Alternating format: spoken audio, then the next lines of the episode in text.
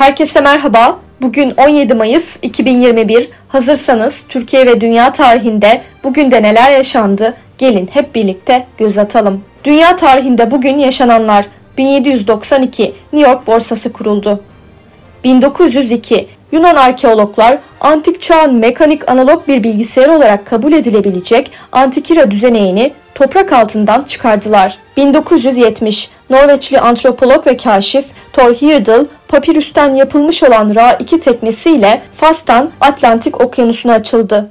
1995 Nasuh Mahruki Everest'in zirvesine çıkan ilk Türk oldu. Bazı kaynaklar 25 Mayıs olarak yazsa da bu tarih Nasuh Mahruki tarafından teyit edilmiştir.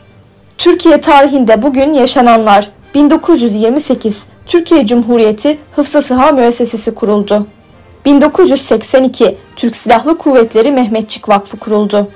1994 Türkiye ekonomisi 14 yıl aradan sonra yeniden IMF denetimine girdi.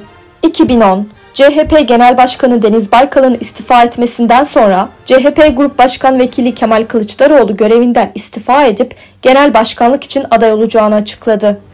Bugün doğanlar 1897 Norveçli kimyacı ve Nobel Kimya Ödülü sahibi Odd Hessel doğdu.